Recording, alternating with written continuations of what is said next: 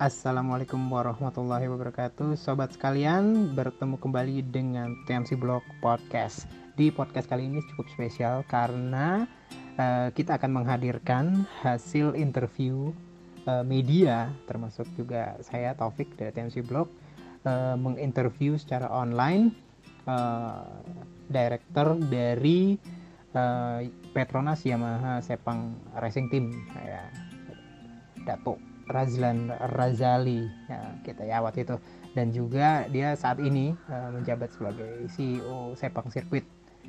Nah, langsung aja kita dengerin hasil interviewnya di beberapa pertanyaannya. Oke, okay. alright, Dato. Yeah. Uh, I got two questions here actually. Uh, you mentioned just now that Donna basically uh, they are giving you support, the teams, uh, all the teams support. What kind of assistance are they giving? And number two, uh, any of your team sponsor pull out that? Any lah, big or small? Okay, the second one is the easiest one. I mean, actually, both are, are relatively easy to answer. Um, at the moment, none of our sponsors are pulling out.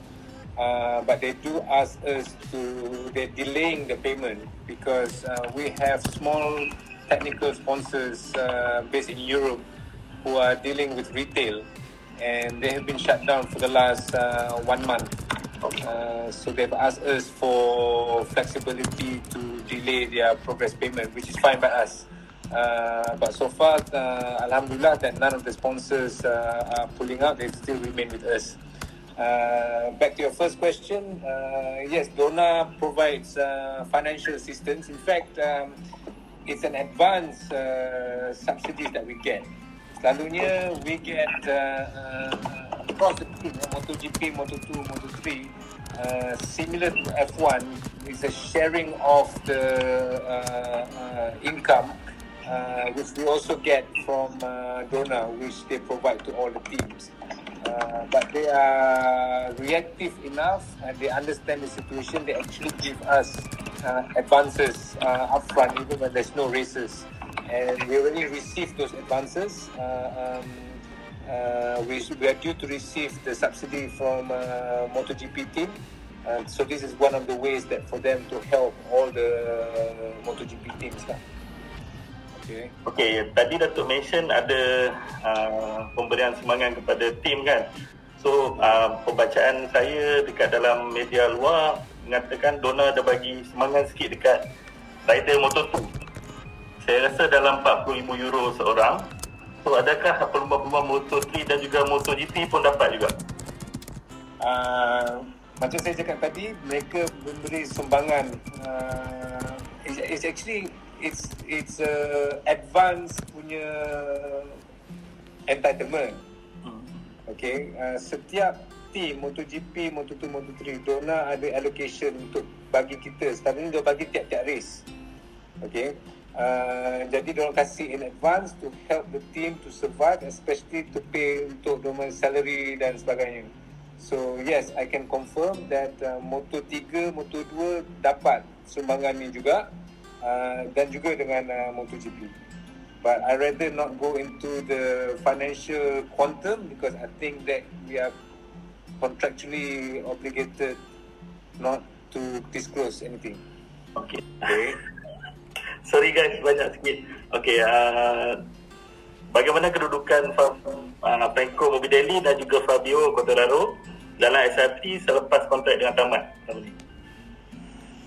Ah, okay. But then to add, jika ada race ke tak ada race?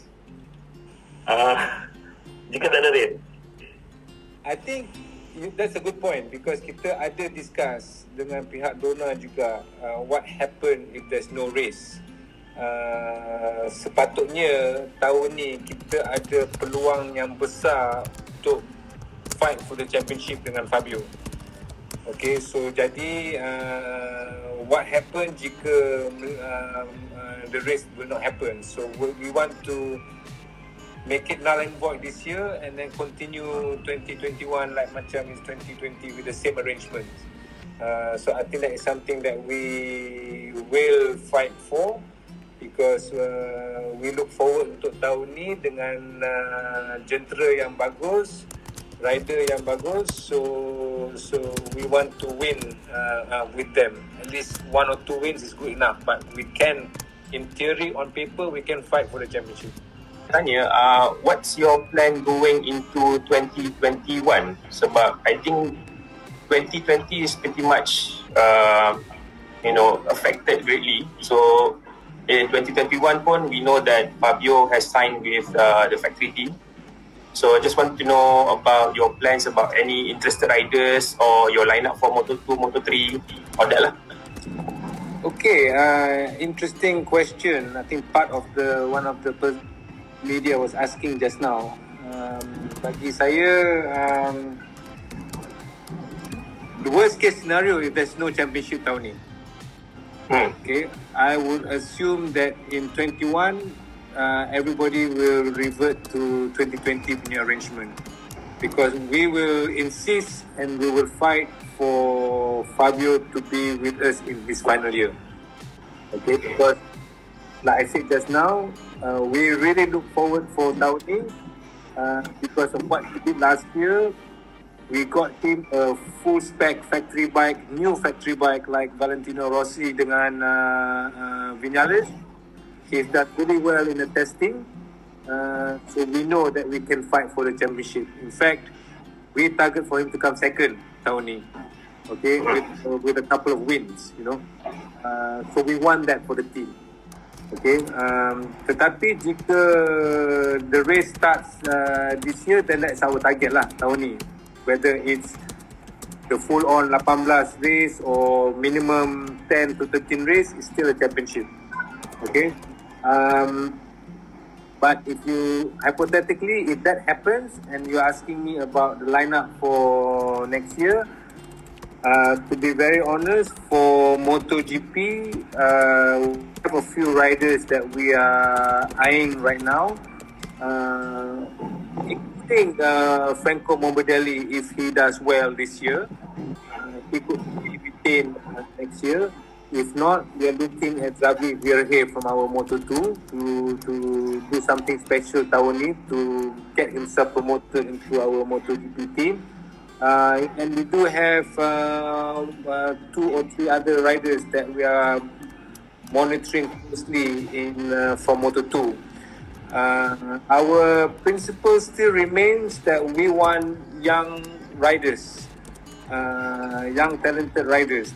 That's what we want. Uh, we all know about the likes of Valentino Rossi, uh, Lorenzo, and all that who wants to join the team without even formally discussing with us. Uh, uh, but for us, at the moment, our principle is that we want to develop young riders. Okay, so we do have a couple of riders that we have in mind, including our own uh, Moto2 rider uh, Zavi Virhe. Moto2 pula, uh, I'm hoping, uh, okay, both Zavi dengan Jake Dixon are on a one-year contract. Uh, Jake Dixon could do something special. He did something that's really good in Qatar uh, by coming in 14th, uh, something that surprises all of us.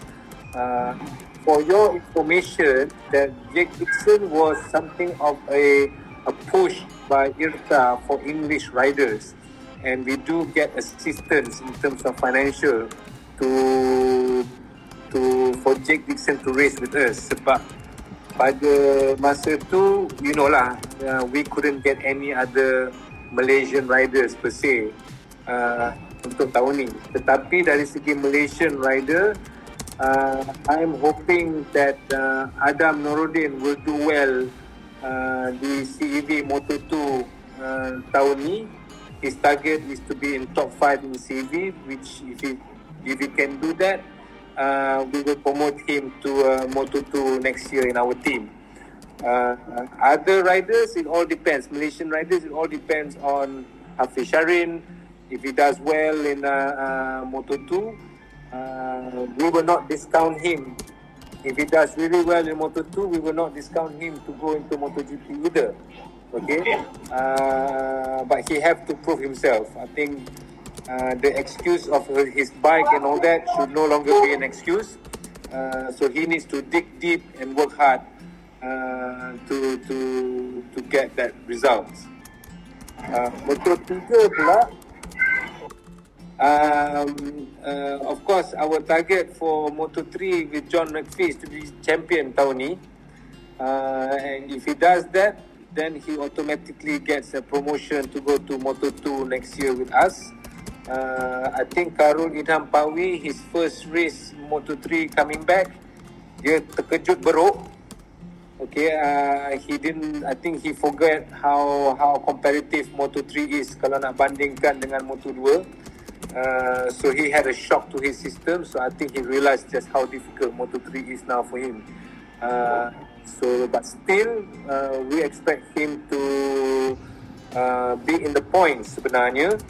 So if he managed to do that, then he probably most likely will continue uh, dengan kita one more year dengan Moto 3 uh, insyaallah uh, tapi we plan to bring in a rookie uh, Malaysian rookie tahun uh, depan dengan siapa ni uh, apa I forgot his real name but Damo who's racing in the ASEAN Talent Cup okay who's doing very well in ASEAN Talent Cup uh, we also hope that he will do well in the CEV Moto3 tahun ni jika dia buat sesuatu yang baik then we can bring him into Moto3 uh, as the rookie next year. Okay. Ya, sobat sekalian, jadi itu dia hasil beberapa interview uh, media dengan Dato Razlan Razali, director dari Petronas Yamaha Sepang Racing Team.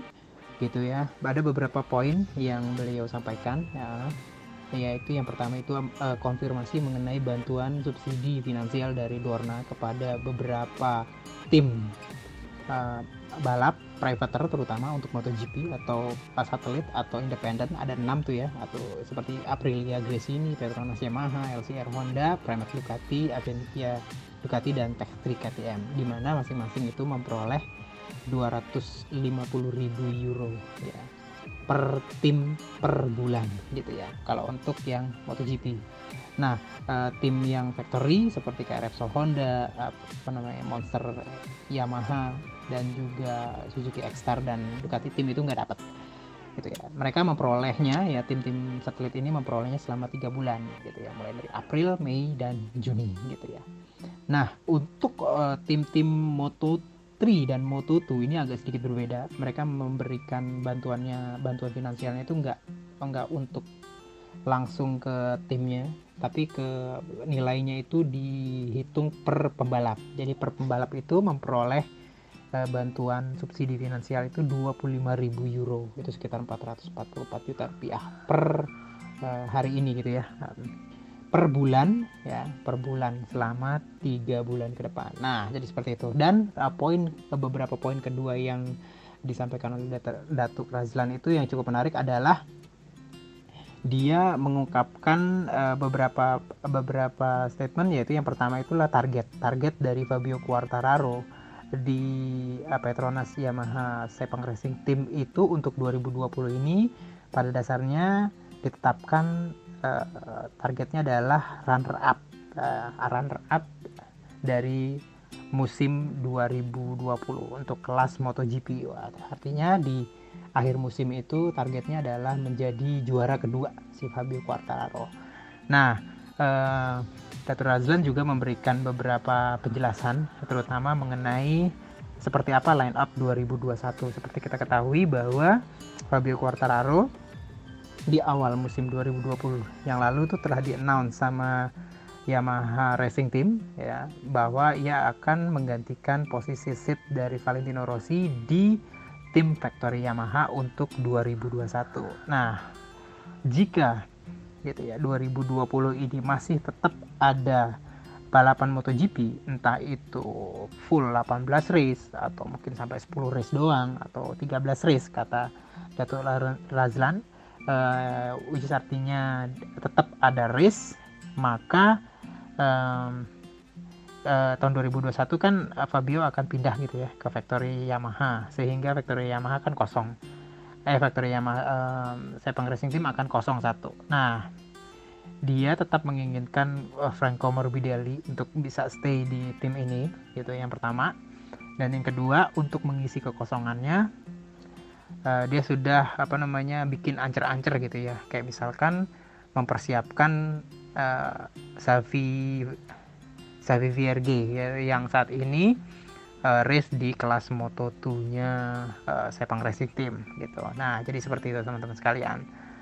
Jadi uh, selain itu uh, Datur Rajan juga melihat beberapa dua atau tiga pembalap ya, potensial di Moto2 untuk uh, menjadi pilihan lain selain Savi VRG. Cuman Savi VRG ini sepertinya prioritas buat buat uh, Petronas Yamaha Sepang Racing Team 2021 jika Fabio Quartararo pindah nanti ke factory team. Nah, jadi seperti itu.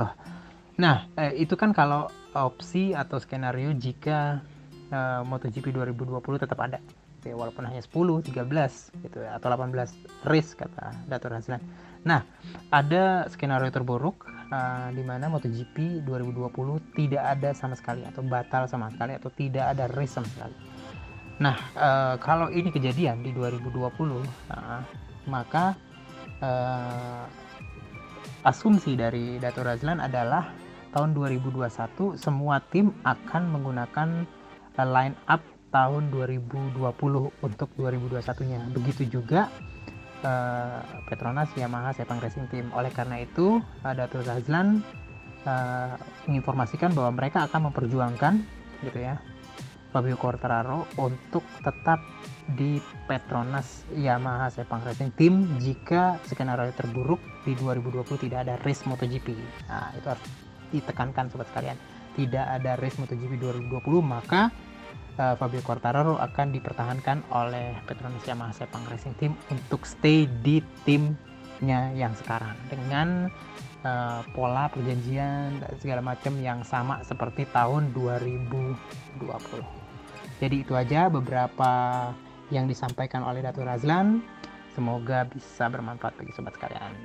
Saya berjumpa di podcast selanjutnya. Assalamualaikum warahmatullahi wabarakatuh.